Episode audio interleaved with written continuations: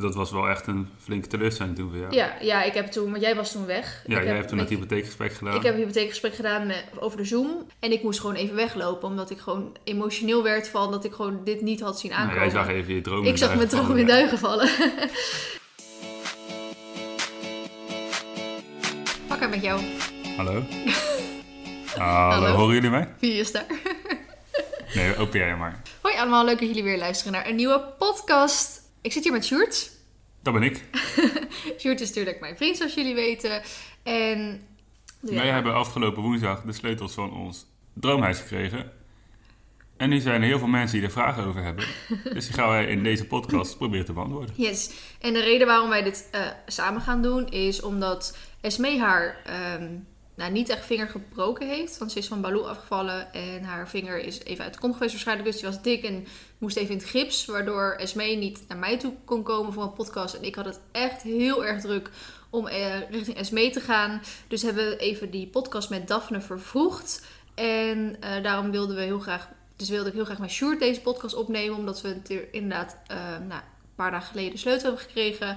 Dus een hele podcast wijden aan hoe het is om een huis te kopen. eh, de voorbereidingen, de bezichtigingen, de, wat er allemaal bij komt kijken. Met de notaris, met hoe we dit betaald hebben. En daarbij heb ik ook een eh, vraagsticker geplaatst op Instagram met allerlei vragen. We gaan in deze podcast ook heel open zijn over alle bedragen, wat wij verdienen, hoe wij dit hebben kunnen betalen. Ehm, nou, en de toekomstplannen, et cetera. Mag ik heel even inbreken in deze woordwaterval van jou? De enige reden dat, ik dus, dat je deze podcast met mij opneemt is dat Esmee niet komt. Ja. Ja, dat is ook niet aardig. Nee, maar ik vond het wel leuk om, ehm, nou, om dit wel even te doen. Maar het is inderdaad wel omdat het niet Ik komt. ben echt diep gekwetst. Oké, zullen we gewoon lekker gaan beginnen? Let's do it. Eh, zullen we gewoon eerst even van het begin beginnen en dan... Ik heb natuurlijk wel al wat vragen gelezen en ehm, die verwerk ik alvast een beetje in het verhaal. En uiteindelijk kunnen we nog even wat vragen aanvullen. Oké. Dus het begin, er, het begon allemaal... Het begon zeker- allemaal met de oerknal. Vele miljarden jaren geleden. Nee, we, wij wonen. We zitten nu nog in ons appartement. Wij zijn eh 2,5 jaar geleden ongeveer samen gaan wonen. In een appartement in Ede. Sjoerd heeft altijd gezegd. Nou, ik zit hier eigenlijk wel best prima. En ik zei: nee, dit is voor mij tijdelijk. Want ik zou heel graag sowieso een tuin willen. En liefst natuurlijk paarden aan huis. Maar wij zijn op dit moment 25. Toen nog eh 23, 22, 23, zoiets. dus dat is zo, zeker niet voor iedereen weggelegd. Ondertussen gingen we wel een beetje kijken naar een huis. Eh, toen bracht jouw ouders voor de grap eens op om een generatiehuis te doen, toch? Mhm. En- Ja, mijn moeder vooral eigenlijk. Ja, en dat was eigenlijk altijd voor de grap. En toen zei ik tegen Sjoerd van ja, ga dan eens vragen of ze het ook echt serieus meent. Want ehm, dat zou wel heel veel andere dingen mogelijk maken. Dat zou natuurlijk ook wel gezellig zijn om samen iets te kopen. Ehm, natuurlijk beantwoord ik daar alvast de eerste vraag mee. Met, nou, vind je het dan, dan niet vervelend om met je schoonouders en voor jou natuurlijk met je ouders iets te kopen? Maar wij zouden dit natuurlijk niet doen als wij niet een goede band met jouw ouders hebben. Nee, nee precies. Dan, Dan is het, ja, dat dan zou begin je hier nooit aan. Nee, precies. zeker. Je moet, je het- er wel eigenlijk zeker van zijn dat je... Je woont niet samen. We hebben gewoon aparte huizen met aparte huisnummers, aparte voordeuren die Ja, ook aan andere de kanten zitten. En, Want dat was inderdaad Ja. de voorwaarde van we wilden niet samen wonen. We gaan niet met z'n allen in één groot huis wonen. Je bent wel een soort van buren, Ja. maar we wilden echt dat het gescheiden was. Dat we gescheiden tuinen hadden, dat we gescheiden opritten hadden. Dat als je in principe gewoon op je eigen terrein in je eigen huis bent, hoef je elkaar niet, Nee, simpelweg niet tegen te komen. dus als je, als je het wil, kan je heel makkelijk bij elkaar langs gaan en even elkaar helpen ergens mee. En als je het niet wil, nou, dan zie je elkaar ook gewoon een paar dagen niet. eh. Nee, Want het is, het is gewoon eigenlijk net als je buren. Je Ja. buren. Ik bedoel, we hebben hier onze buur, buurman. Die woont pal naast ons, voordeuren naast elkaar. En die zien we echt drie keer per jaar. Precies. Inderdaad. En het is natuurlijk ook wel ehm, een soort handig of zo om je ouders eh, naast ons te hebben. Ja, voor hun als zij wat ouder worden en, en meer hulp nodig hebben, dat wij nou ja, makkelijk even langs kunnen komen. dat is natuurlijk een beetje welke kant we misschien ook Ja. weer wat meer opgaan in, in, eh, met, met de maatschappij. Dat het toch wel weer wat meer zorgen voor je eigen ouderen zeg maar, wordt. Ja. Omdat al die verzorgingshuizen veel te vol zitten. En ook andersom, als er ooit bijvoorbeeld kinderen komen en nou ja, ik zit op zee, dat, dat er iemand in de buurt is die jou even kan helpen als het nodig is. Ja, precies. En daarbuiten, ehm, jouw ouders reizen natuurlijk graag, want die zijn nu met pensioen. Ja. Eh, je moeder werkt natuurlijk nog wel een beetje, maar je vader is wel officieel met pensioen. En zij gaan rustig gewoon eh, in de zomer altijd drie maanden lekker varen. Of gaan ze twee maanden naar Nieuw-Zeeland. Of zijn ze zes keer per jaar op wintersport. Of weet ik het Nou, wat. zes keer, Drie keer. drie keer. Dus ze zijn ook veel weg. Ja. En dat was, eh, nou, dat is natuurlijk aan de ene kant een soort van voordeel, omdat je dan helemaal geen last van elkaar Mhm. hebt, om het even zo te zeggen. Maar ook voor hun natuurlijk relaxed, want ehm, als zij zoveel weg zijn, is dat wel eh, bij hun huidige woning ja, een reden voor bijvoorbeeld inbrekers om sneller Ja. langs te komen, omdat het gewoon veel leeg staat. En als je samen woont, of nou ja, naast elkaar woont, dan eh, kan je natuurlijk altijd even een oogje in het cel houden. Ja. En de planten verzorgen. En, Ja, eh, post pakken. post doen, dat en, soort eh, dingen. Ja, want voorheen woonde natuurlijk jouw zus nog thuis. Ja. Dus die zat dan lekker gewoon in een eentje in dat grote huis. En, eh, maar jouw zus is natuurlijk ook eh, sinds 1 januari woont ze samen met zijn vriend. nou, Dus- die woont nu in Middelburg. Ja. Of all places. Ja, of wel place precies 180 graden de andere kant Ja. op van, eh, vanaf Dordrecht gezien. Het is, als, we, als we bij mijn zus langs gaan, is het... Ik dacht iets van 230 kilometer of zo. Ja, Enkele reis. Echt op. Dat is, voor- in Nederland is het gewoon echt ver. ja, precies. Maar goed, je ouders hadden natuurlijk nou, heel veel slaapkamers zijn er over. Dus je had ook zoiets van, nou... Ja, die wilde kleiner gaan wonen en gelijkvloers met oog op de toekomst. Ja. Dus, en dus toen hebben we er even serieus over gepraat. En toen kwam er eigenlijk wel over uit dat we het met z'n allen wel een goed idee vonden. ja, dus toen zijn we gaan zoeken. Nou ja, dat is toen nog flink tegengevallen. Nou, hoe lang zijn we eigenlijk bezig geweest? Half nou jaar? ja, in principe als in dat iedereen tegen mij zei van... Nou, super gaaf dat jullie zoiets gaan doen. eh, maar eh, hè, hou er wel rekening mee dat je gewoon echt wel eh, anderhalf jaar aan het zoeken bent ongeveer. Nou, we zijn echt maar een half uurtje... Half uurtje. Half uurtje, zo heel Half, halfjaartje bezig geweest. Ehm, maar wel veel eh, dingen van tevoren bedacht die eigenlijk helemaal niet klopten. Nee, er kwam wel veel meer bij kijken dan we dachten.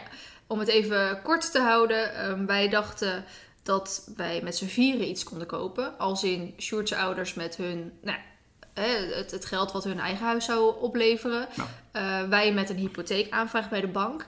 Alleen dat eh, wil de bank eigenlijk Nee, niet. wij dachten, we gooien al dat geld op één Ja. grote hoop. En dan kregen we echt een, eh, En- een mooi bedrag, kregen we dan. Zeggen Ja. we dat gewoon, wat, het, wat we dachten dat het ongeveer ging worden? Nou ja, dan nou, wel, wel... er zit wel een verschil tussen wat jij in gedachten had en wat... Nou ja, we hebben ook bij huizen gekeken van die prijs. Oké, dus Ja. dat heeft- we, dan zouden we op een bedrag uitkomen van boven de miljoen euro. Ja. En we hebben bij huizen gekeken van dat bedrag. Maar ehm, toen kwam het inderdaad dus, de, dan gooi je al het, het, het geld op één hoop. Ehm, maar dat accepteert de bank eigenlijk niet. Het is de, nou- de bank die, die geeft een hypotheek aan jou en zolang die hypotheek loopt is het huis eigenlijk van de bank. Ja.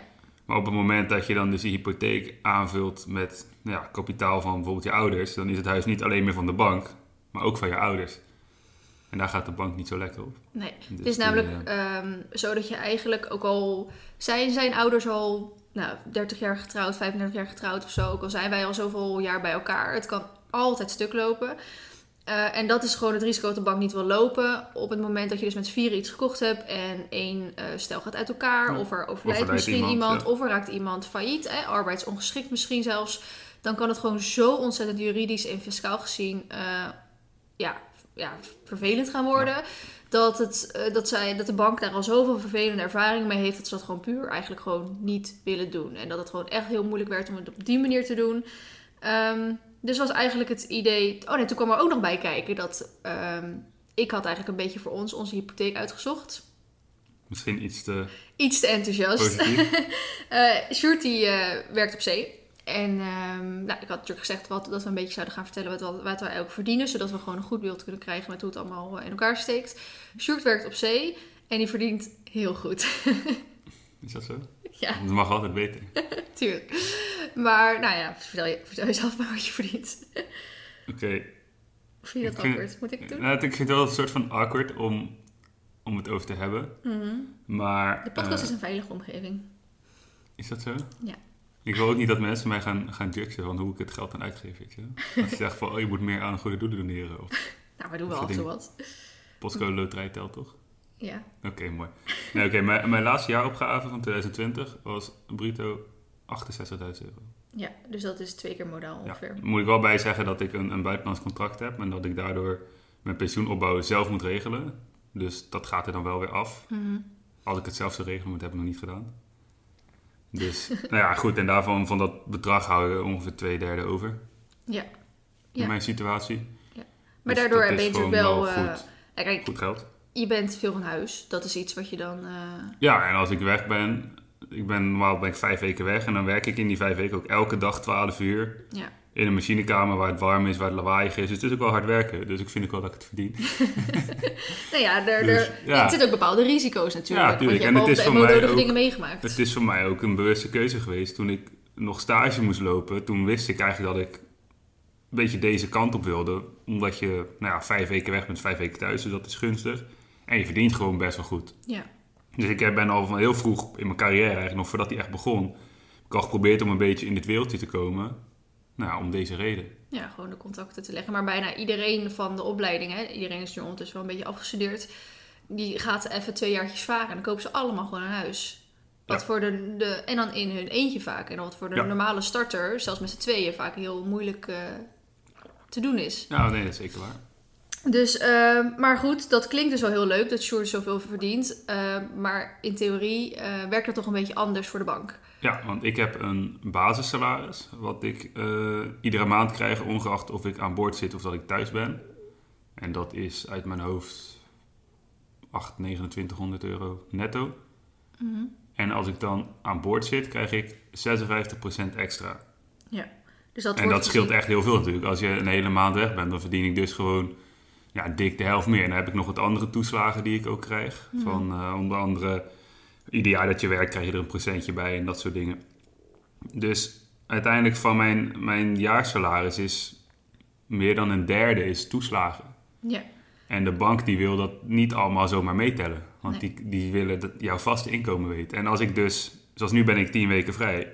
Dan heb ik dus 10 weken lang niet die 56% extra. Dus het gaat echt uiteindelijk wel om duizenden euro's op jaarbasis. aan de ene kant zou je natuurlijk zeggen van ja, maar je bent elke keer vijf weken weg. Dus waarom zou je die toeslagen niet meenemen? Maar ja, inderdaad, zoals nu ben je in één keer tien weken vrij. Ja. Of eh, bijvoorbeeld... Corona heb ik ook 9 weken thuis Ja, gezeten. corona heb je ook lang thuis gezeten. Of je, er gebeurt iets op werk waardoor je een half jaar uit de running bent. Ja, dan, Kan dan allemaal gebeuren. kan je alleen maar terugvallen op dat basissalaris. Waardoor de bank ook eigenlijk alleen dat basissalaris wil meenemen. Wat natuurlijk aan de ene kant wel begrijpelijk is. Maar aan de andere kant totaal niet representatief met wat je nou eigenlijk echt verdient. Nee, dus uiteindelijk, de hypotheek op mijn salaris, weet jij nog wat dat was? Ja, 280 of zo. 280 geloof ik. Ja. Ja. wat op zich, zeker voordat de huizenmarkt zo eenmaal crazy werd, Mhm. kon je daar echt wel een leuk huisje van kopen. Ja, Maar paarden aan huis nee. gaat het natuurlijk niet worden dan. Nee. Ja, goed, maar Sjoerd hoeft er niet in zijn eentje te kopen, want we hebben mij ook nog. Nou, ik verdien ongeveer hetzelfde als wat Sjoerd verdient.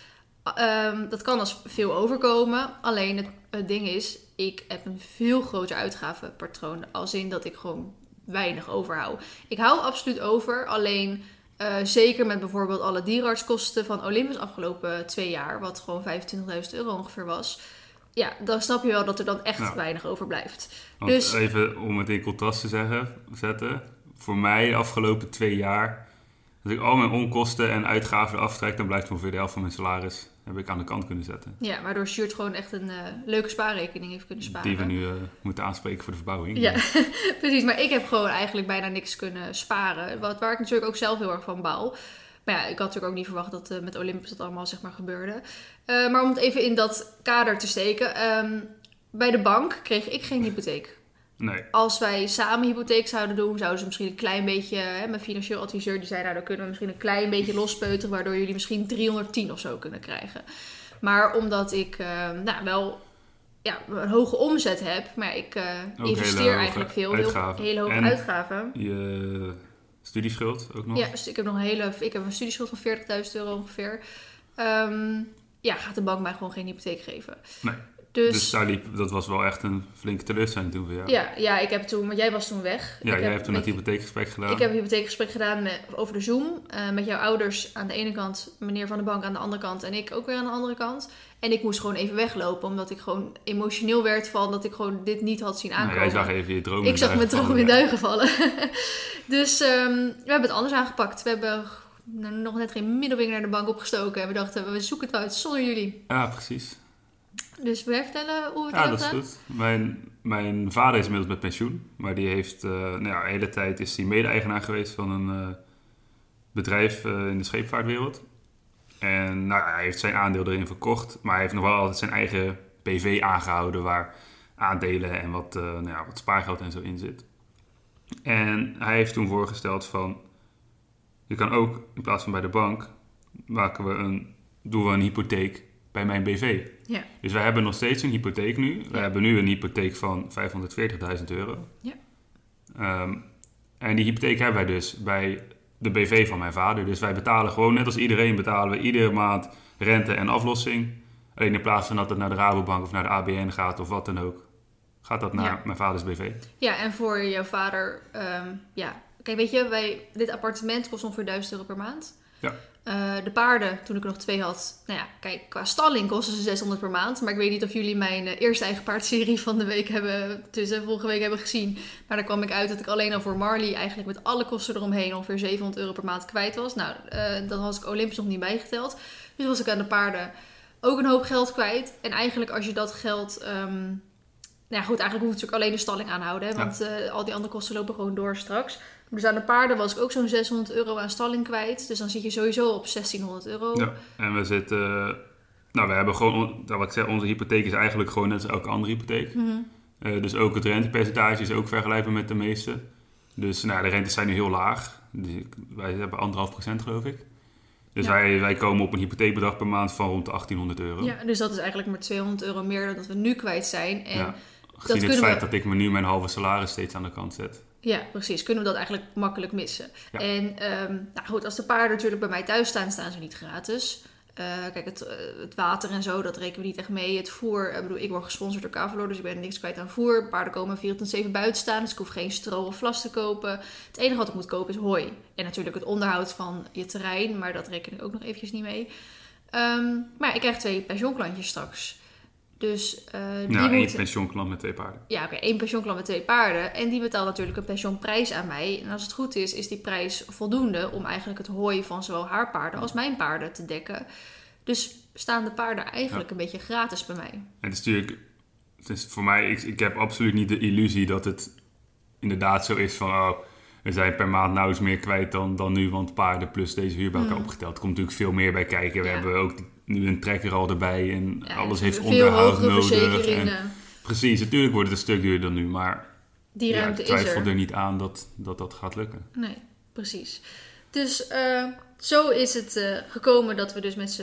dat op deze manier iets gekocht hebben. Ja, dus Eigenlijk, alle eh, vragen van mensen die zeiden van, ja, jullie zijn allebei 25, hoe betalen jullie dat? Dat Ja, is nu. nou ja, het geluk, want we hadden het ja. even met je, met je ouders gisteren over. En toen zei je moeder ook, ja, het geluk van schoonouders.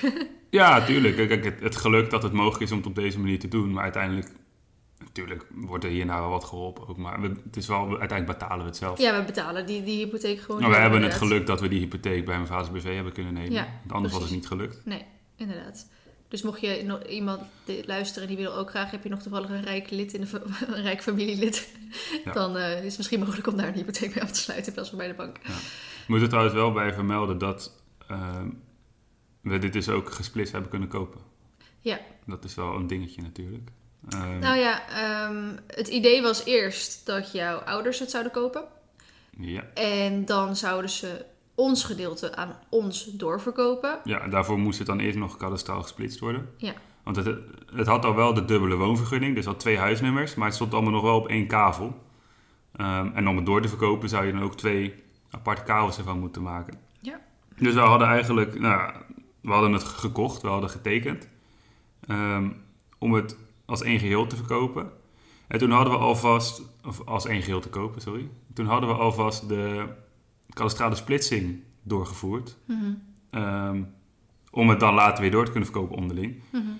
En toen kwamen we tot de conclusie dat we nou eigenlijk, omdat al kadastraal gesplitst was, net zo goed die koop van de oude bewoners Ja. gesplitst konden doen. Dus wij hebben echt ons deel apart gekocht met onze hypotheek. Mhm. En mijn ouders hebben hun deel gekocht met nou ja, hun geld en de verkoop van hun oude huis. Dat was wel lastig, want we hadden dus eerst hè, bedacht al het geld op één hoop, hè, boven die miljoen euro, bla bla. Nou, dat eh, ging natuurlijk niet meer. Eh, dus we zitten onder die miljoen, even om het duidelijk te zetten. Best wel ruim onder ook. Ruim ook nog wel onder die miljoen.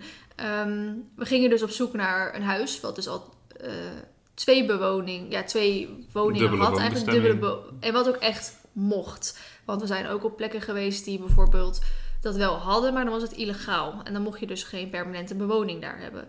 Ehm, dus daar, dat was best wel lastig om dat te vinden. En ik moet ook zeggen, ik hou nu Funda nog een beetje in mijn eh, ja, ik, ik kijk er nog wel eens naar, niet voor mezelf, maar ik weet dat eh, ik, ik ken een aantal mensen, of dat nou kennissen zijn of vrienden, die ja, een beetje geïnspireerd door ons zijn en dit ook graag willen. Dus ik hou een beetje mijn ogen open voor ze.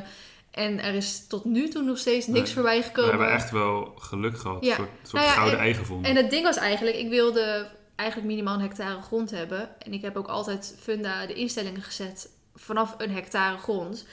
Ehm, maar daar kon ik steeds maar niks op vinden. Dus toen heb ik hem vanaf 5000 vierkante meter gezet. Want het komt namelijk nog wel eens voor dat er dan bijvoorbeeld eh, iets met 7000 vierkante meter staat. En dat er dan helemaal onderaan die advertentie staat van ja, er is eh, daarnaast nog een perceel van eh, zoveel vierkante meter Ja. beschikbaar. Dus dan kom je alsnog boven die 10.000 uit.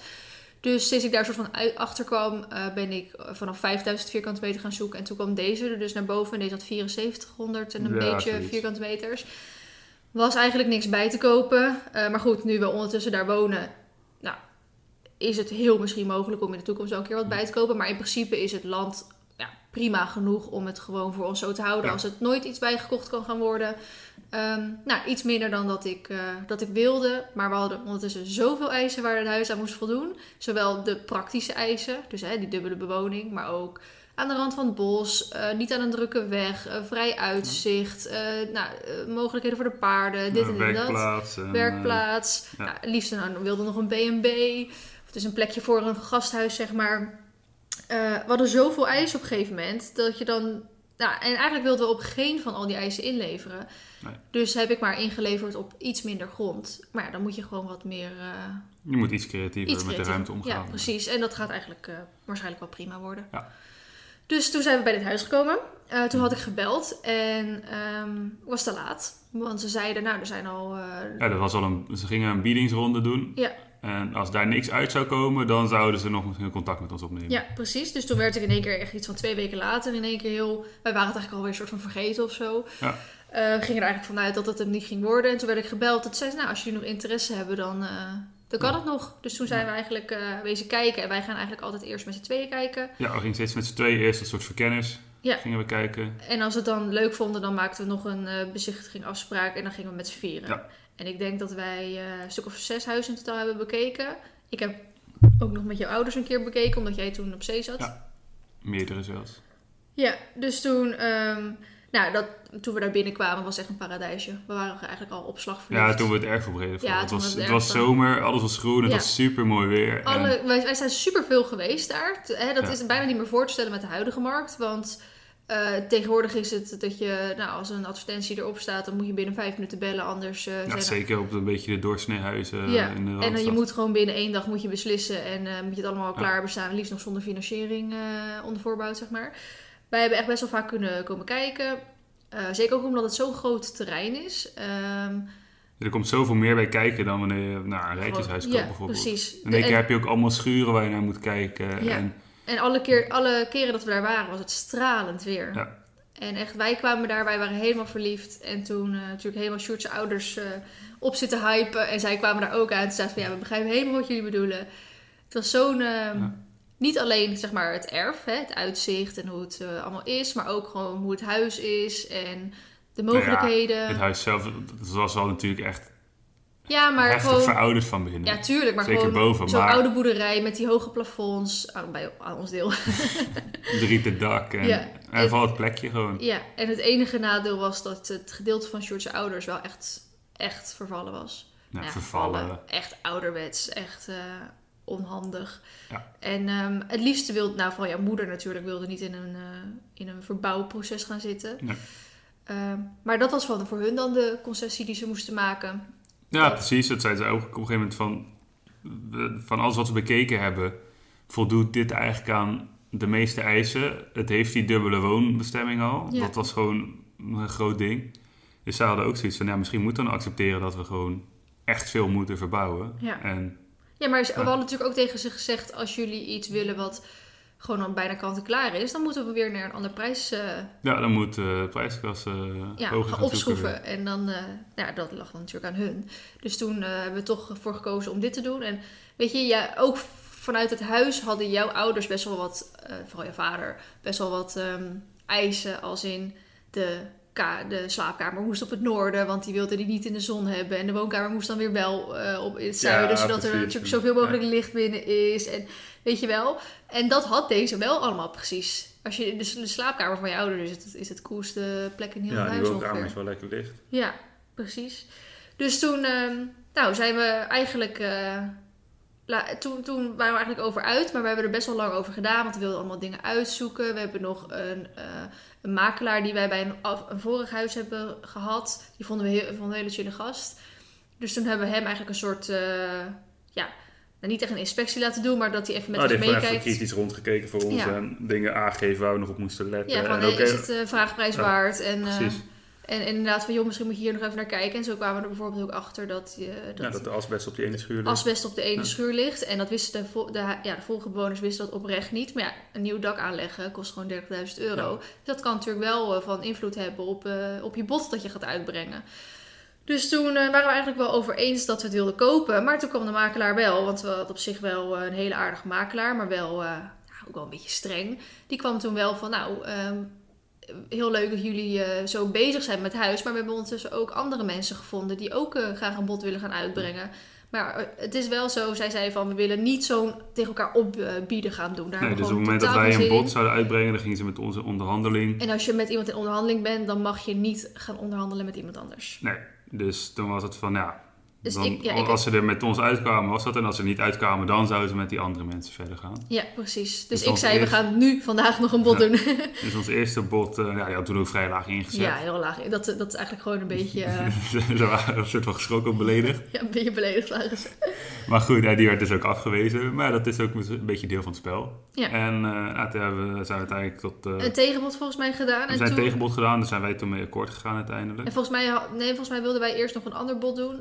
En toen eh belden ze op en toen zeiden ze van, ja, je- weet je, eh dit hele tijd eh, eh, bod naar bod zeg maar doen, dat heeft de, de bewoner niet zoveel zin in. Hij heeft gewoon een bepaald bedrag in zijn hoofd.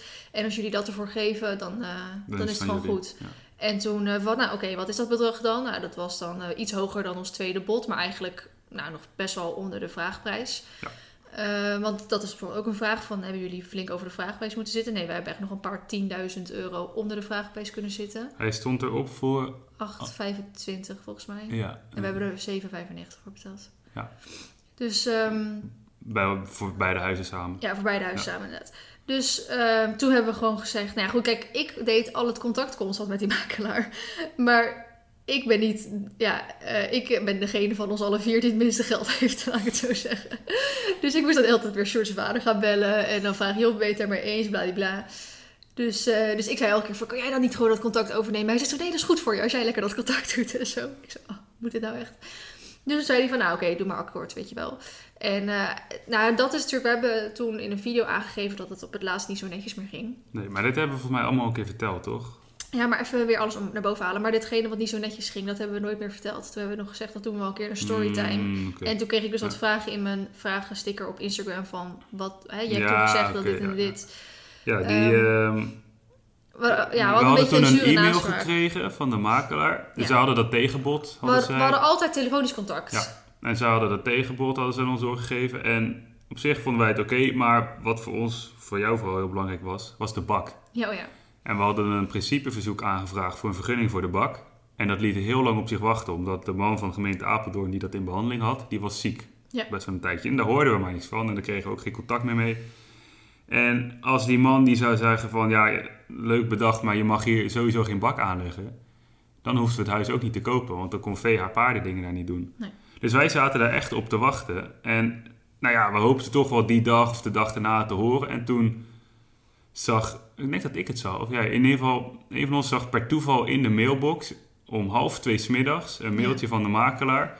Als jullie niet voor vijf uur vanmiddag laten weten of jullie het nemen voor die prijs, Dan gaan ze met die andere dan gaan we mensen- met andere mensen verder. Ja. En we hadden daarvoor altijd telefonisch contact gehad. Dus wij nou ja, waren echt een beetje met stomheid geslagen dat ze zoiets belangrijks en in één keer zonder belletje erachteraan Ja. gewoon even in de mail zetten. Ja, want stel wij hadden eh, op, niet op onze mail gekeken die dag. Nu ben ik verslaafd aan mijn telefoon, dus ik kijk elke seconde van de dag op dat ding. Ja, maar, het kon ook zijn dat je al buitenrit was bijvoorbeeld. Ja, of maar dat we gewoon ja, druk aan het werk waren. En dan hadden we het gemist. En dan waren ze dus dodelijk met die andere mensen verder gegaan. Zonder dat wij dat wisten. Want blijkbaar hadden die mensen eh, wel de vraagprijs geboden. Ja, die hebben dus gezegd van ja, wij willen het huis hebben. En voor een prijs die hoger was dan wat Ja. wij eigenlijk overeengekomen Ja, maar goed, waren. wij waren in onderhandeling, dus ze mochten niet Precies. zomaar dat eh, bod accepteren.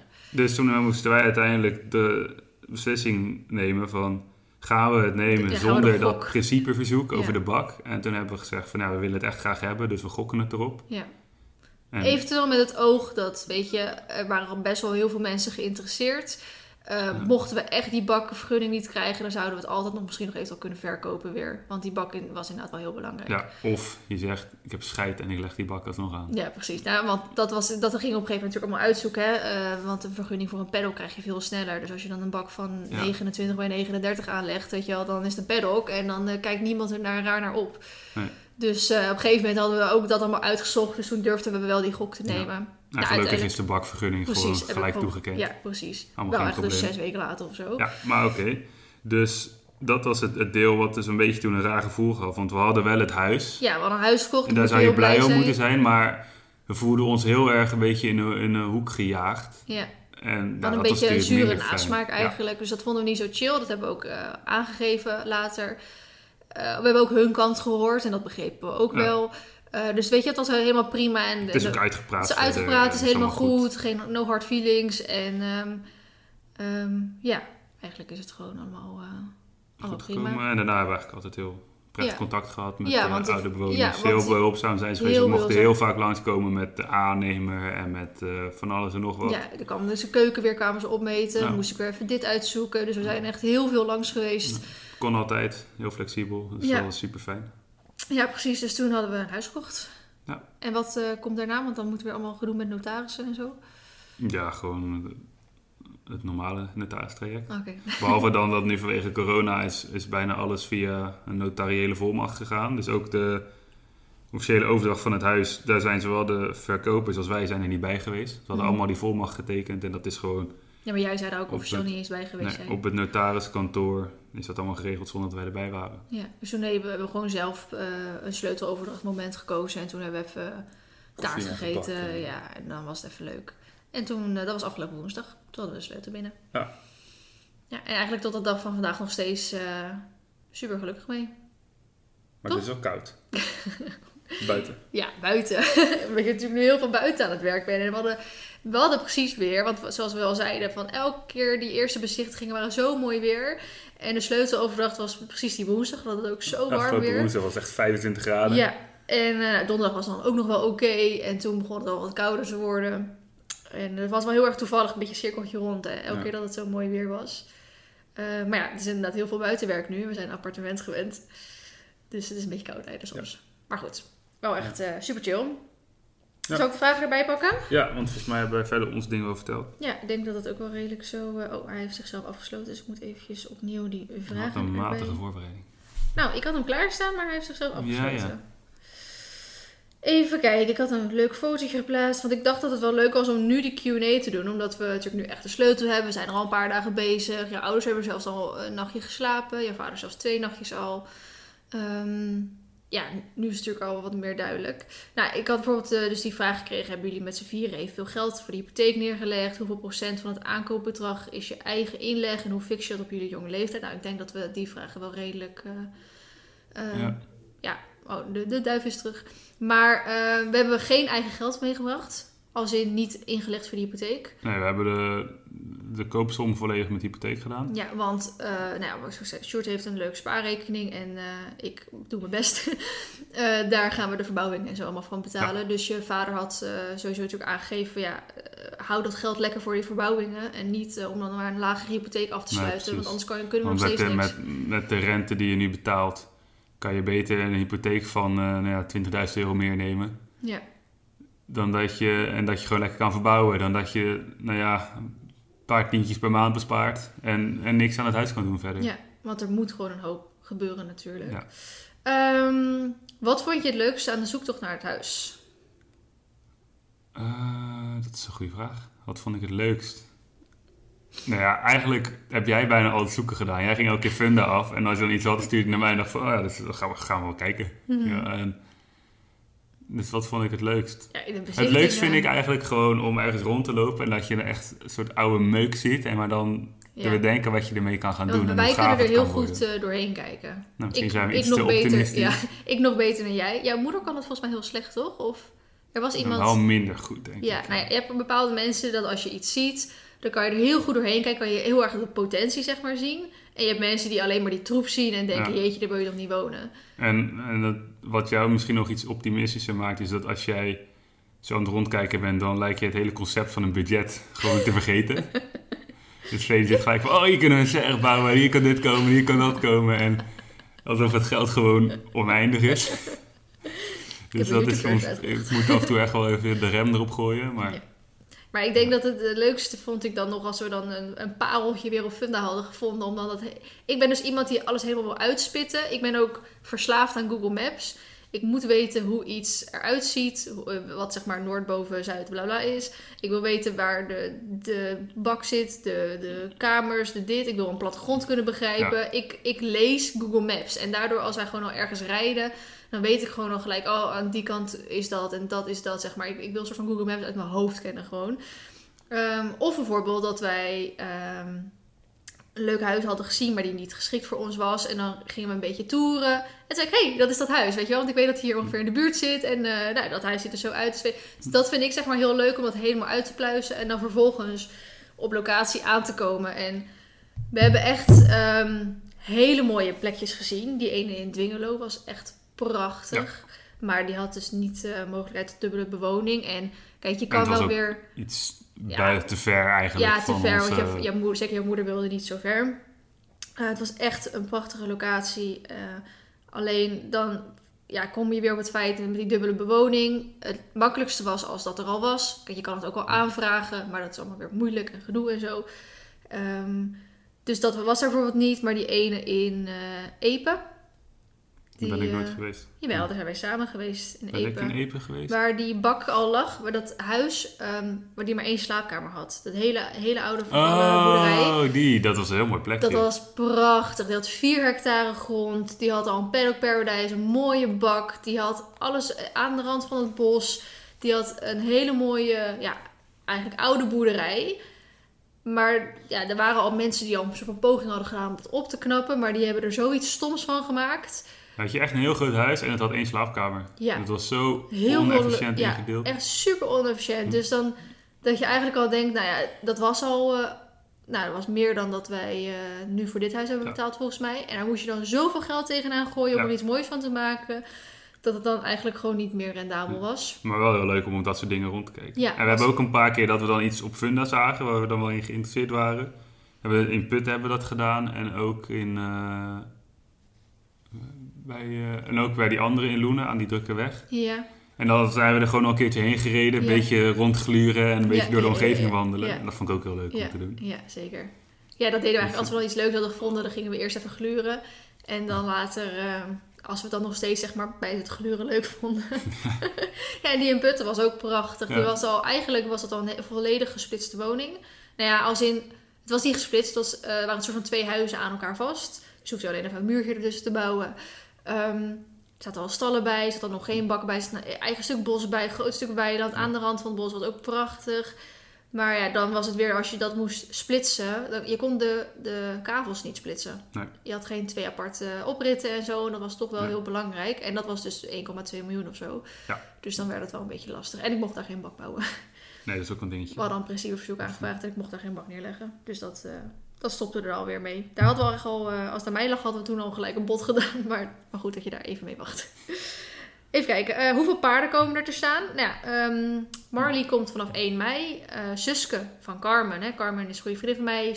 Die heeft Suske en Ax. Ax is dat lookalike veuletje. Nou ja, ondertussen is hij ook alweer bijna drie jaar oud. Carmen ben ik toen ook naar Australië geweest. Suske die komt gelijk mee met Marley op 1 mei. Ax gaat heel eventjes in training. Dat vertelt Carmen zelf nog een keer waarom en hoe en, hoe en wat. Eh, dus die komt volgens mij zes weken later. En de bedoeling is dat ik natuurlijk ook weer een keer het tweede paard ga kopen. Maar ja, net zoals de huizenmarkt staat de paardenmarkt ook op zijn kop. Dus eh, daar mag ik ook eh 10.000 euro voor uittrekken waarschijnlijk. Nou ja, met alle verbouwingen en... heb ik daar even geen budget voor. Dus ik hoop eigenlijk eind van de zomer. Maar het zou ook best wel eens gewoon pas volgend jaar kunnen Ja. zijn. Dus dat, weet je, voorlopig zijn we toch lekker zoet met het huis. En ik heb natuurlijk Marley altijd nog. Maar in de toekomst komen er dus vier paarden te staan. Ja. Ik wilde eigenlijk ook niet meer hebben. Nee, vier is genoeg. Ja, maar buiten dat, omdat ik zeg, ik heb niet zoveel grond als wat ik wilde. Dus dan moeten de paarden ook ja, eigenlijk meer op de paddock track zeg maar, staan. In plaats van dat ze gewoon lekker op de wei kunnen. Want anders is mijn gras te veel op. Dan moet ik meer hooi gaan inkopen. Nou, bla bla bla. Dus ik vind eigenlijk vier wel eh, Mhm. vier de max. En we hadden eventueel, want het huis naast ons is ook toevallig eh, verkocht. Aan iemand die één paard had. En zij heeft ook een half hectare grond erbij. Dus ik had eerst misschien het idee dat we onze gronden konden delen, zeg maar. Dat zij bij ons in de bak kon rijden. Want ehm, dat van ons ligt aan de ene kant van de weg. En aan de andere kant is precies het Natura 2000 gedeelte. En daar ligt haar wei op. Dus zij mag echt geen bak bouwen. Eh, en wij gelukkig wel. Dus ik dacht eventueel, nou dan kunnen we dat misschien, hè, eh, dan eh, kunnen we haar wei delen. En dan mag zij bij ons op de bak bijvoorbeeld. Alleen ik begreep dat zij al een veulentje heeft gekocht. Dus Dat heeft je niet meer nodig. ze heeft me niet meer nodig. Nou ja, dan mag ze ook niet. Nee, dus, eh, nou goed dat. Ehm, en we hebben dus, eh, want ik kreeg een vraag van, eh, hoe zit dat met die huisdieren die jullie erbij hebben gekregen? Ja, we hebben twee... Die mensen hadden twee katten, gewoon echt van die stalkatten, die eigenlijk altijd buiten rondlopen, nou, een beetje tegen de muizen en zo. En zij gaan maar anderhalf kilometer verderop wonen, die oude bewoners. Maar we hadden een hele drukke weg. Ja. Dus zij zagen het eigenlijk niet zitten om die katten mee te nemen. Omdat de kans natuurlijk groot is dat die katten gaan proberen weer terug naar een oude stekje te gaan. Dan moeten ze die drukke weg over, worden ze misschien doodgereden. Ja. Dus zij hadden gevraagd of die En ze hebben echt katten die konden puur die blijven. katten genomen voor inderdaad de muizen die je op zo'n boerderij hebt. Ja. Nou, dat hebben ze straks niet meer. Dus nee, precies. Ze hadden die katten ook niet echt nodig. Het zijn echt ka- buitenkatten die je niet blij maken door ze altijd binnen te houden. Nee. En nou ja, ik, ben, ik vind katten wel leuk, maar ik hoef eigenlijk geen kat in huis. Ehm, heb ik ook altijd tegen jou gezegd. Ja. ja, ik snap het wel. en Vee wil wel altijd graag katten. En toen dacht ik bij dit van ja goed, ze zijn altijd buiten en op een boerderij is het ook wel handig. Dus Mm. dan accepteer ik het wel. Ik weet nog dat je toen tegen mij zei iets van, je, want ik heb goed en slecht nieuws of zo. Ik weet niet meer wat het slechte nieuws was. Toen zei jij van, eh, het goede nieuws is dat we de katten mee mogen, of eh, over mogen nemen. Toen was ik echt gelijk, oh my god, yes! en toen had je volgens mij ook al gewoon gelijk ja gezegd, want je wist toch wel dat ik het wilde. Ja, ik zei al van nou, Vee die gaat toch ja zeggen. Dus eh Precies. En toen kwamen ze later ook nog met het idee dat we de kippen mochten overnemen. Ja. Ehm, en ja, ik weet dat jij graag kippen wil hebben, maar dan op zich in de toekomst. Ja, dacht, ik nou, wil nog wel het, het kippenhok verplaatsen en een, een nieuw hok bouwen en zo. Dus ik had zoiets van ja, dat eigenlijk wilde ik pas kippen nemen als het allemaal af is. mhm. Maar toen had jij al ja gezegd dat we het over zouden nemen. Dus toen moesten we wel. En ik vind het eigenlijk ook wel heel leuk. Ja, het is echt fantastisch. Gisteren hebben ze voor het eerst losgelaten. Dus dan lopen ze gewoon lekker zo over het hele Heel terrein. de te- tuin gelijk gesloopt. Alles omgewoeld. Het is zo schattig. Eh, nou, ik kreeg hier een vraag wat als er geen bak aangelegd mocht worden. Nou, ja, dan eh, dat hebben we ook wel een beetje eh, verteld. Ehm, wat is jullie favoriete plek in of om het huis heen? Ik denk, mijn favoriete plek is gewoon het terras. Mhm. Want dan heb je aan de ene kant heb je echt een mooie boerderijgevel met de rieten kap en de grote stal- oude staldeuren en mooi metselwerk. Mhm. En dan kijk je echt zo uit over de vijver en de glooiende heuvel en het bos in de verte. En dat is heel mooi. Mhm. Dat is denk ik het mooiste plekje. Ik vind dat denk ik nu het mooiste plekje. Maar straks als de bak er ligt en de paddock en de trek en de weilanden zijn klaar. Dan hebben we als het goed is dus ook een klein terrasje bij de bak. Dus dat je gewoon ook lekker zo aan de bakrand kan zitten. En eh, ik denk dat dat dan misschien eh, voor mij dan het mooiste plekje is. Zo lekker eh, naar, bij de paardjes kijken en zo. Nou, en ik denk als het af is dat de woonkamer het mooiste plekje wordt. En de zadelkamer. Die wordt ook heel mooi. Jij vindt alleen de paardendingen mooi. Precies. Waar zijn jullie het meest excited voor? Gewoon dat het is. ik, ben, ik ben excited voor het, het moment dat ik rondloop en denk: ja, dit is zoals ik het voor me zag. Ja. Want nu is het al prachtig, maar nu zijn nog heel veel dingen waarvan ik denk: dit wil ik anders hebben. Hmm. En nou ja, er gaat een punt komen waarvan er veel meer dingen zijn die zijn zoals je wil dat het is, Hmm. dan dat er dingen zijn die niet zijn zoals je wil dat het is. Hmm. Als dat logisch is. En dat punt kijk ik heel erg naar uit. Ja. Ik kijk er gewoon heel erg naar uit dat die paarsjes daar straks staan. En dan eh, dat ik gewoon zeg van joh, ik ga even een buitenritje doen. En dan uh, zadel ik op en dan rijd ik zo 50 meter verderop het uh, ruiterpad op. En dan uh, ga ik een rondje doen en hoef ik niet elke keer met de trailer weg. Nee, precies. En lekker gewoon aan huis, heb ik niet meer die reistijd. En ook gewoon handig als ik even iets moet filmen. Eh, Ook alle plekken om te filmen. Zo veelzijdig, nooit last van shovels, nooit last van mensen eigenlijk. die ook, eh, ik op Schenkie voorbij kom rijden. ehm, liggen jullie op schema? Nou ja, het ding is, we hebben niet echt een schema. Mhm. Ehm, zou kunnen zeggen dat het schema wat ik in gedachten had, dat dat na anderhalf uur al de soep in liep. Ja, maar daarvoor moet je maar even de vlogs kijken. Ja, dat zie je allemaal in de video's. Nee, maar we hebben niet echt een strak schema. Ehm, wel een volgorde waarin we, waarin we of ik dingen wil aanpassen. Pakken. Aanpakken. dat woord zocht ik. Eh, maar we hebben geen exacte data. Dus er is niet echt een schema waar we van af kunnen rekenen, Waar we achterop kunnen raken. En jij bent toch nu nog... Eh, 8,5 weken vrij. Dus, ja, eh, en dan ben ik vier weken weg en dan ben ik weer acht weken vrij. Dus we, hebben, we hebben heel veel tijd. Het hoeft niet in één keer af. Nee. Dus we doen het gewoon in een tempo wat goed te doen is. Ja. Wat is het belangrijkste wat er moet gebeuren? Voor mij is het wel het huis gewoon naar onze smaak bewoonbaar maken. Ja, ja ik denk voor mij ja. ook wel. Ja, het belangrijkste moet gebeuren is voor mij bijvoorbeeld, ik zeg maar, valt een bak. Maar dat gaat gebeuren. Dus ja. dat is niet, ja. Voor mij is het belangrijkste gewoon het, het huis hebben zoals we het willen. ja, precies. Vooral de bovenverdieping is gewoon echt verouderd. En Ja, ik absoluut. bedoel, eh, als het goed is neem je ouders, wanneer ze vanmiddag komen, de caravan mee. Zodat we daar eventjes in... Als je het vergeten, hè? Ja, goed, dan is het zo. Maar dat we daar eventjes in kunnen slapen ook. Mhm. Maar dat, dat zeggen ze eigenlijk dat we liever in de caravan slapen dan in de slaapkamer zoals we nu zijn. Weet je wel? Dat is echt wel wat. Dus ja, dat, dat geeft wel aan dat dat absoluut niet is hoe wij het willen hebben nog. En dat er een hoop moet gebeuren. Ja, absoluut. Eh, er komt toch ook een cross? Eh, ja, Ja, cross is een een woord. cross is een groot woord. Een eh, kleinschalig crossterreintje. Ik heb ehm, straks drie weilanden. Ehm, die ja, spitsen van elkaar door bijvoorbeeld de bak of het pad van de, het erf naar de bak toe en de trek, zeg maar. En in twee van die weilanden die grenzen dus aan de bak.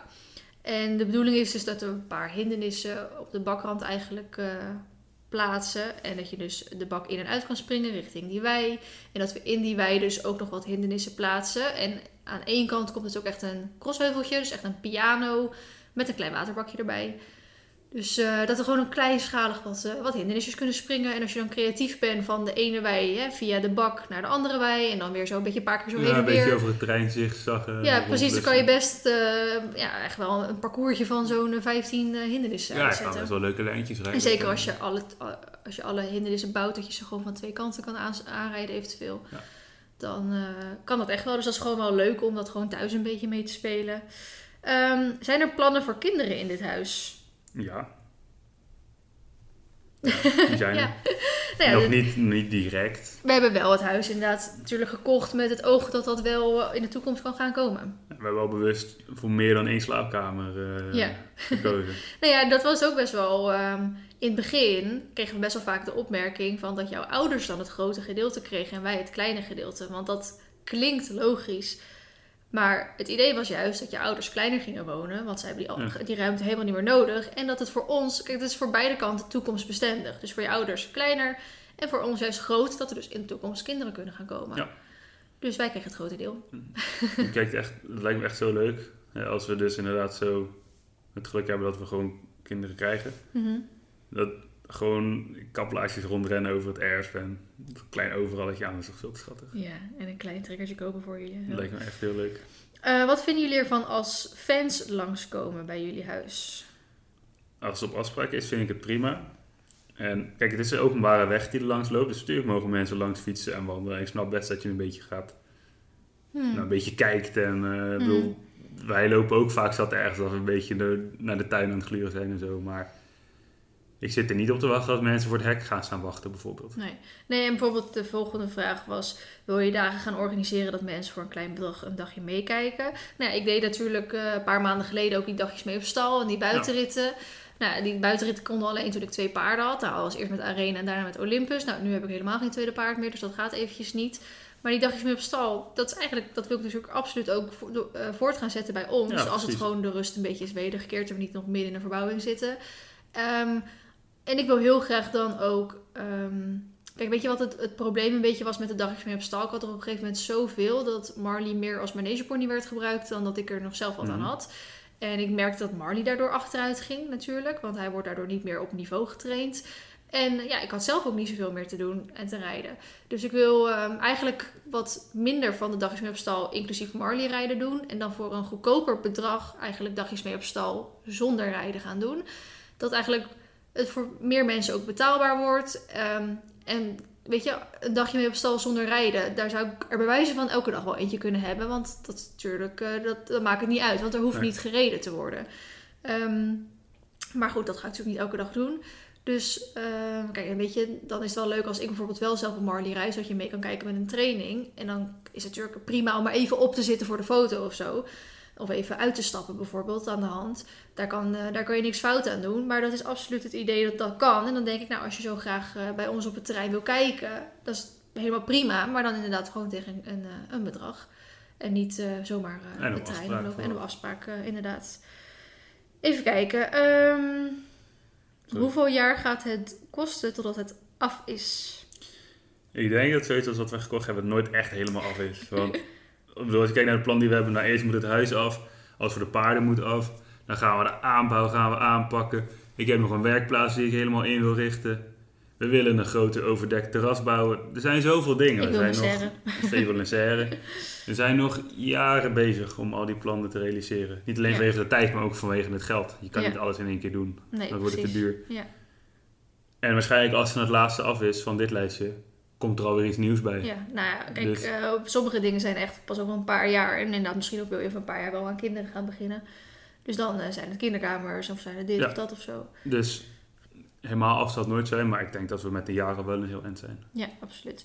Eh, nemen jullie te zaakjes, een te zaakjes waakhond, nu jullie niet meer op het appartement zitten? Dat is wel de bedoeling. Ja, nou, het hoeft niet per se een Nee, waakhond geen te worden. waakhond, maar wel gewoon een hond die lekker ook rond kan Ja, want we willen eigenlijk ehm, juist geen waakhond, omdat, We eh, willen wel dat het erf toegankelijk blijft voor Ja. iedereen die... omdat er gewoon best wel veel aan een afloop is door familie, vrienden en zeker die dag is met op stal mensen en, en mensen die met, de, met mij meekomen naar de paarden en zo. Ja. Dus het moet wel gewoon een hond zijn die vriendelijk is tegen mensen. Precies, want het, kijk, ik zit er niet op te wachten dat iedereen zomaar ons erf opkomt. Maar ik wil wel dat iedereen die op ons erf moet zijn, er ook op durft te komen. ja. en niet dat ze niet uit de auto durven omdat er een, een enge hond rondloopt of iets. Ja, precies. dat- Nou ja, maar goed, eh, meestal, dat hoop je dan als je een goede erfhond hebt, die voelt een soort van aan. Want het is net zoals met Nova. Nova, hè, bij onze stalhond, super lief, even, echt wel een van de liefste honden die ik ken. Eh, maar zodra ze doorheeft dat jij er niet hoort, zeg maar. Nee, precies. Maar dan is het ook weer zo. Dat heb ik ook een keer al daar zien gebeuren. Dat iemand die daar duidelijk voor het eerst kwam. Ja, En die liep gewoon zoekend rond. Die moest daar wel zijn, maar die wist niet waar die moest zijn. ja, En daar sloeg ze ook tegen aan. ja. En dat wil je eigenlijk ook al niet. Nee. En als je dan niet bang bent voor honden, dan doet ze ook, eh, ze doet niks. Nee, het is Maar ehm, ik heb het inderdaad met mijn tante, officieel mijn nichtje, maar eh, tante. ehm was gehad inderdaad, die zijn dieren zeg maar niet gewend. Haar kinderen rijden wel paard, maar geen... eh, nou, Ze rijden geen hond. Nee, ze hebben geen huisdieren volgens mij zelf. Mhm. En Nova is natuurlijk echt super groot. En die kop van haar is natuurlijk even groot als je eigen hoofd. Dus eh, die stond toen eh, inderdaad bij de deur van... Hé, hey, eh, leuk, wie zei dit, weet je wel? En ze belde mij van... Vriend, is dat een hele grote hond voor, ons, voor, voor, de, voor de auto? We durven er niet uit. ik zou zeggen, de liefste hond die er staat. Maar goed, dus dat, die komt er inderdaad maar wel op termijn. Want we willen wel gewoon graag een puppy. Zodat hij ook gewoon goed met de paarden op kan groeien. Ja, nou ja, puppies kosten tijd. En die hebben op dit En moment die gewoon hebben niet. absoluut niet. En puppies moeten ook stabiliteit en een goede rustige plek om lekker te slapen. En weet je wel, nou, midden in die verbouwingen gaat dat gewoon totaal niet werken. Ehm, tips om te kijken naar een boerderij. Waar hebben jullie het op gelet? Eh, nou ja, dat hangt er ook vanaf wat voor boerderij je zoekt. Als je de paarden bij wil, dan moet je dus wel kijken hoeveel grond het is. Je moet je budget weten. Of je bereid bent om veel te verbouwen of niet. Ja. Want ik bedoel, er zijn, ik kan me één huis herinneren. Maar hoe meer grond je wil en hoe lager de prijs, hoe aftanser je het aantreft. Mhm. En er was er toen eentje en die wc was letterlijk een plank met een gat erin. Dat was die in Epe volgens mij, toch? Nee, nee, nee dit, deze heb ik alleen op Vindag gezien. Zijn Oh, geweest. Maar dat Ja. je echt denkt van, hoe bestaat dit nog in 2020 of 2021? Ja. Maar, dus dat is ook iets wat je dan moet accepteren. Mhm. Natuurlijk ook het gebied waar je zit. Kijk, als je in, in Groningen, Noordoost-Groningen, kopen voor hetzelfde geld veel meer dan nou ja, hier bij ons. En al helemaal dan in de Randstad. Mhm. Dus er zijn heel veel dingen om rekening mee te houden. Ja. Eh, laten wij de verbouwing eh, door het bedrijf doen of gaan we zelf wat doen? Het meeste doen we zelf. Aan ons huis in ieder Aan geval ons wel. huis, ja. Eh, Alleen echt de grote dingen. Dat is, wij laten bijvoorbeeld in de keuken een muur doorbreken. Dat laten we wel doen. Puur om de reden dat eh, dat iets is wat ook echt goed fout kan gaan. Als het een dragende muur blijkt te zijn. En ik ben zelf niet echt Ik heb nog nooit zoiets gedaan, dus ik ben niet echt goed in staat om, om te oordelen of ik die muur zomaar weg kan halen of niet. Mhm. Dus ja, als je dat doet en het gaat fout, dan kan je half huis instorten. Als je pech hebt. Dus dat, dat laten we doen. Maar verder gaan we bijna alles zelf doen. Hoe vinden jullie het om van een appartement naar een grote woonboerderij te gaan? Ik vind het heerlijk. Ja, maar ik vind het ook wel een beetje... Nou, de eerste dagen had ik dat wel een beetje eng of zo. Ik vind het, Het is sowieso... wel veel meer in één keer. Ik, heb sowieso, ik, weet, ik wist het niet van mezelf, maar ik vind het ehm, toch lastig om te verhuizen, zeg maar. Ehm, meer om je, je huis, een soort van je vertrouwde huis, Mhm. eh, weer op te geven naar, naar een compleet nieuw, onbekend iets. Ik ga het hier oprecht ook wel weer een beetje missen. Ja, nou, ik weet je nog, toen ik eh, van Dront... Op zich van toen ik van mijn sluis naar Dronten ging, had ik het niet zo heel erg. Maar ja, ik ging dichter bij mijn school wonen en ik kende Suzanne natuurlijk. Maar toen ik van Dronten naar Ede verhuisde, toen wij ook eh, met, in Nederland verhuisden en dat tv-programma kwamen, toen kreeg ik die paniekaanval. Ik had nog nooit in mijn leven een paniekaanval gekregen. En toen kreeg ik precies een paniekaanval, omdat ik op dat moment in één keer besefte dat, fuck, ik laat alles, alles wat me bekend is, laat ik Maar achter. je ging in je eentje erheen. Dus ja, om in mijn, in mijn eentje in een, in een vreemd studentenhuis te gaan wonen. Nou goed, toen wij hierheen gingen verhuizen, was ik natuurlijk heel erg blij, want wij gingen Ja, samen je wilde wonen. heel graag weg daar ook. Maar ehm, nu we weer daarheen gaan, en zeker omdat het nu zo'n groot project is, vind ik het ook soms al. Ik vind het eh, niet echt eng of zo, maar toch is er zo'n gevoel van. Jeetje, we gaan dit echt eh, doen. We gaan Ja, we gaan echt. echt eh, dit gaat echt wel een hoop kosten. En zeg maar kosten als in tijd en energie. Niet, En ja, geld. Geld natuurlijk ook, maar dat boeit me niet zo. Ja, boeit natuurlijk wel. Maar ik denk van dat, dat vind ik zeg maar niet erger aan. Ehm, dus dat vind ik soms wel een beetje nou, lastig of zo. Mhm, dat kan ik wel begrijpen. Ik had eigenlijk heel erg, toen we het net gekocht hadden, dat ik echt gewoon s'nachts steeds wakker lag. Om, en gewoon dacht aan alles wat ik wilde doen ermee. Toen kwam er een punt dat ik dacht van, fuck, het wordt wel echt heel veel. Ja. Maar toen kregen we die sleutels en ik ben gewoon begonnen. En gewoon verstand op nul en gaan en dan zit je er lekker in. En ik vind het nu alleen maar hartstikke leuk. Hmm.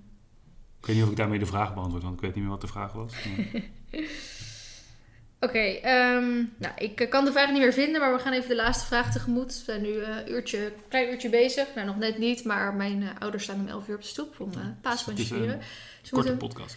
Precies. ehm, we kregen de vraag van... ehm, ja, zijn er bepaalde spanningen in jullie relatie tijdens zo'n verbouwing? Seksuele spanning? De goede spanningen of de verkeerde spanningen?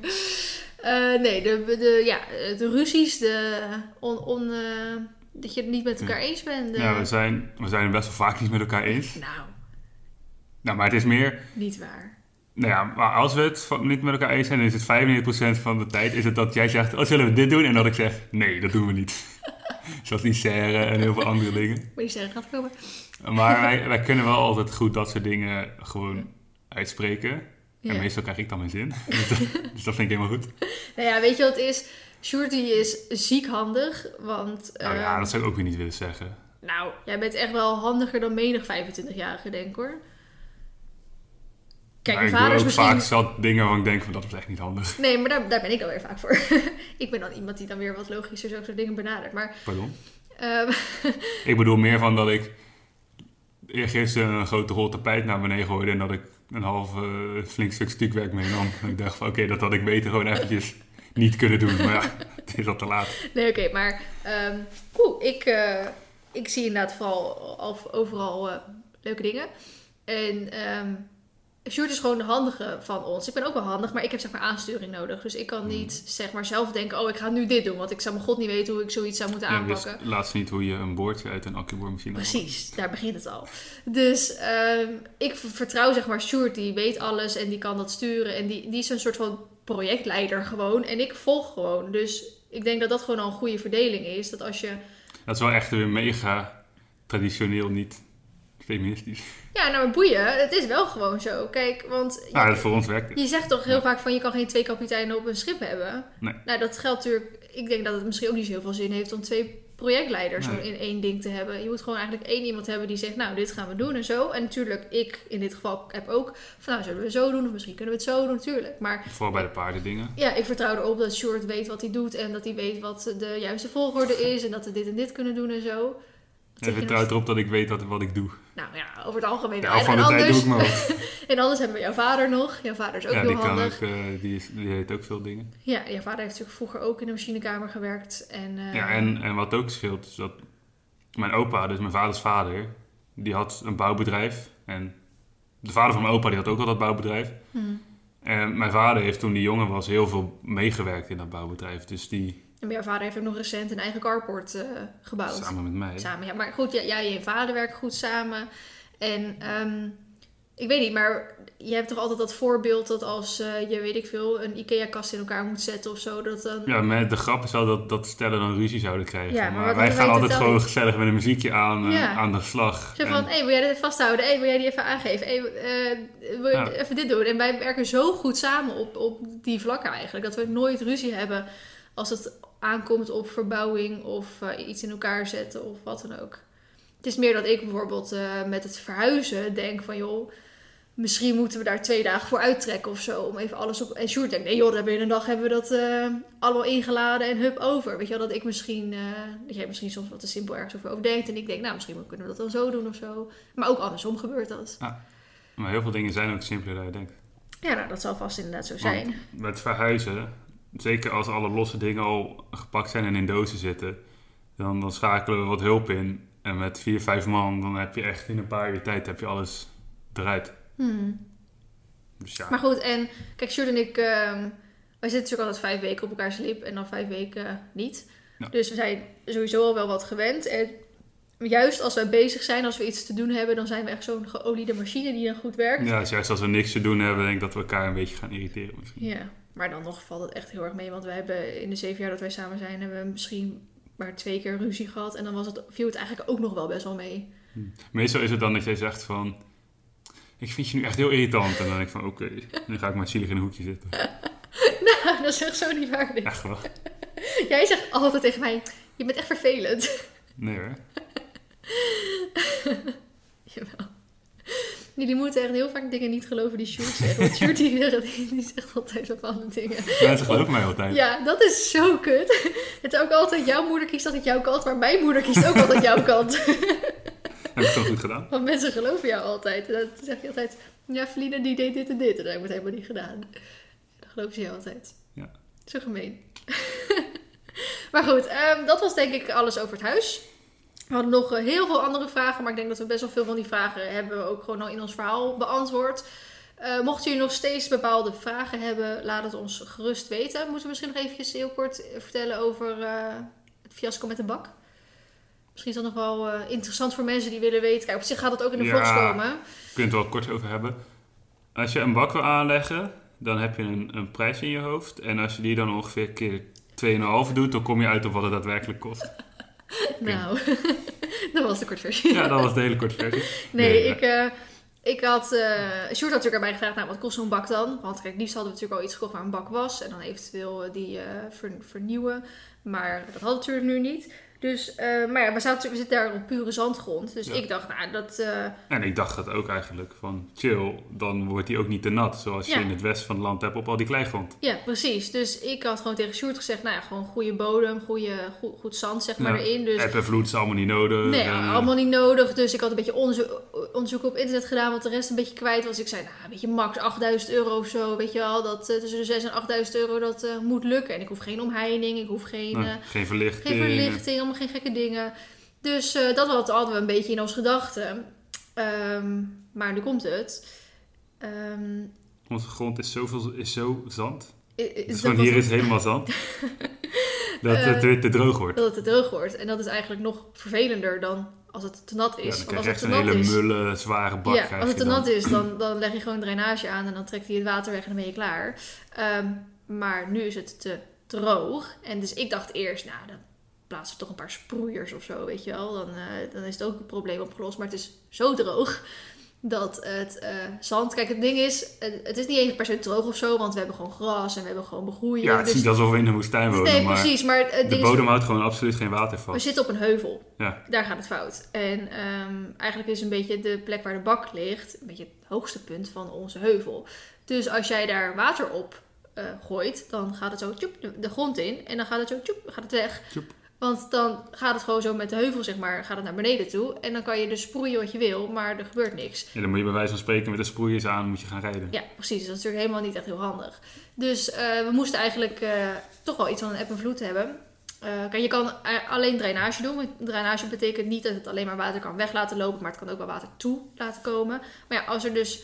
normaal gesproken heb je bijvoorbeeld een, een leemlaag of een kleilaag. En daar komt eigenlijk geen water doorheen. Dus dat is je natuurlijke ja, eh, folie, om het even zo te zeggen. Die houdt dan het water voor je vast. Maar wij hebben gewoon pure zand. Dus als jij je water toe laat stromen vanuit je drainage, dan stroomt het gewoon geleidelijk weer lekker zo de grond in. En dan is je bovenkant, hè, in de zomerperiodes, is het gewoon heel stoffig en heel, eh, heel mul wordt het dan. Dus daardoor moet je er een folietje tussen leggen, waardoor het dus een soort eb- en vloedsysteem wordt. Ik weet nog niet of het een officieel eb- en vloedsysteem is of een beetje verkapt eb- en vloedsysteem is. Zodat die folie ervoor zorgt dat je water niet eh, de grond inloopt. Ehm, en je bak dus gewoon altijd vier, ja, 365 dagen in het jaar zeg maar, te rijden is voor de komende 30 jaar ongeveer. Maar dan kom je dus wel uit op eh 24.000 euro ex-BTW In plaats van acht. in plaats van Dat is 8.000. gewoon drie keer meer. Ja, dus dat is top. Heel fijn. Maar goed, eh, ja, dat zijn eh, dingetjes waar we ook tegenaan zijn gelopen. Maar ja, dat is wel iets wat gewoon... Dat wat, wat kut is, waar je dan achter komt. Maar wat wel gewoon moet. Ja, je hebt niet heel veel keus. Nee, ik heb niet heel veel keuze, want ik wil gewoon dat die bak alle dagen in het jaar te rijden is. En die kan wel de gok nemen om te kijken, nou, hoe mul gaat dat dan van de zomer worden? Maar ja, met die zomers die we de laatste tijd hebben, dat het gewoon drie maanden lang heel warm is of wekenlang een hittegolf is. Ja, dan wil ik wel gewoon, al is het ochtends om zes uur ochtends, wil ik wel gewoon kunnen rijden. Ehm, en het is duurder als je eerst gewoon alleen je drainage laat aanleggen. En Ja, vervolgens... als dan blijkt dat het niet werkt nee. en het moet dan opnieuw gedaan worden, ben je meer kwijt. Ja, precies. Dus dan kan je het net zo goed gewoon in één keer eh, goed doen. Ja. Oh ja, en ehm, duurzamer. Want eh, ja, dat is ook belangrijk om even te vermelden natuurlijk. Maar eh, als je alleen drainage doet en je doet dus lekker water erin pompen met je grondpomp, want die grondwaterpomp, want die hebben we gelukkig. Dan, ehm, ja, wat ik zeg, dan stroomt dat water weer terug de grond in. Dus dan kan je heel veel water toevoegen. Ehm, terwijl als je dus zo'n folielaagje ertussen hebt, dan heb je veel minder water nodig om dus je bak goed te krijgen. Dus dat is uite- uiteindelijk natuurlijk duurzamer. Dus Ja, dat, wij eh, zijn zo duurzaam. ja, maar het scheelt, eh, ik heb uitgerekend, het scheelt 3500 euro. Of je nou drainage doet of eb en vloed. Nou, op een bedrag van 22.000 euro, dan doe ik toch liever met het folielaagje dus kan dat ook nog wel bij. Ja, en goed. ehm, dat dus, dat wilde ik nog even. En het zal vast allemaal anders kunnen. En eh, dat bedrijf doet het weer zo. En die doet het weer zo. Maar weet je, die bak moet er gewoon binnen, de, binnen twee weken komen te liggen. We hebben super chille mensen die het gaan doen. Ja, En dat die, merk je sowieso bij verbouwing. Dat, dat is een keuken. Er zijn wel 200 zaken waar je een keuken kan kopen. Ja. En de een doet weer dit en de ander doet weer dat. Maar op een gegeven moment, je kan niet overal maar kijken en dingen blijven opvragen. Op een gegeven moment moet je ook een knoop doorhakken van met Ja. deze ga je in zee en dit Nou, gaan en, we doen. en deze mensen hebben ook die bak bij Equidutch aangelegd. En zij waren er super tevreden over. En zij kunnen ook zo'n cross, hè, zo'n pianoheuvel voor mij aanleggen. En ze willen ook die paddocks kunnen ze gaan doen. En eh, eind van de zomer laten we de weilanden helemaal opnieuw doen. Dat kunnen zij ook. En eh, zij hebben dan nog nooit een waterbak aangelegd. Maar ze staan daar zeg maar wel voor open om dat dan te gaan onderzoeken hoe dat dan moet. Zodat ze het wel kunnen doen, weet je wel. Dus dat ze zich goed inlezen, ervaringen opvragen, bladibla. Dat helemaal gaan uitzoeken voor me, zodat ze dat wel kunnen doen. Dus dat is ook gewoon wat waard. Dus, eh, nou goed, dat. Oké, bedankt voor het luisteren naar de podcast. Mochten jullie nog, afsluiting. mochten jullie nog eh, toch nog specifieke vragen hebben ergens over. Ja, het is half elf, dus we moeten gewoon weggaan. Ja. Eh, laat het ons zeker even in het DM'tje weten. En dan spreek ik jullie volgende week gewoon, als het goed is, weer met Esmeetje erbij. Denk ik. Ja. Of ben je met mij? Dat kan ook. Ja, nou, we zullen misschien wel vaker een beetje leuk over het huis praten en zo. Want iedereen Ja. vindt dat volgens mij heel leuk om te horen. Nou, bedankt voor het luisteren en tot de volgende keer. Bye.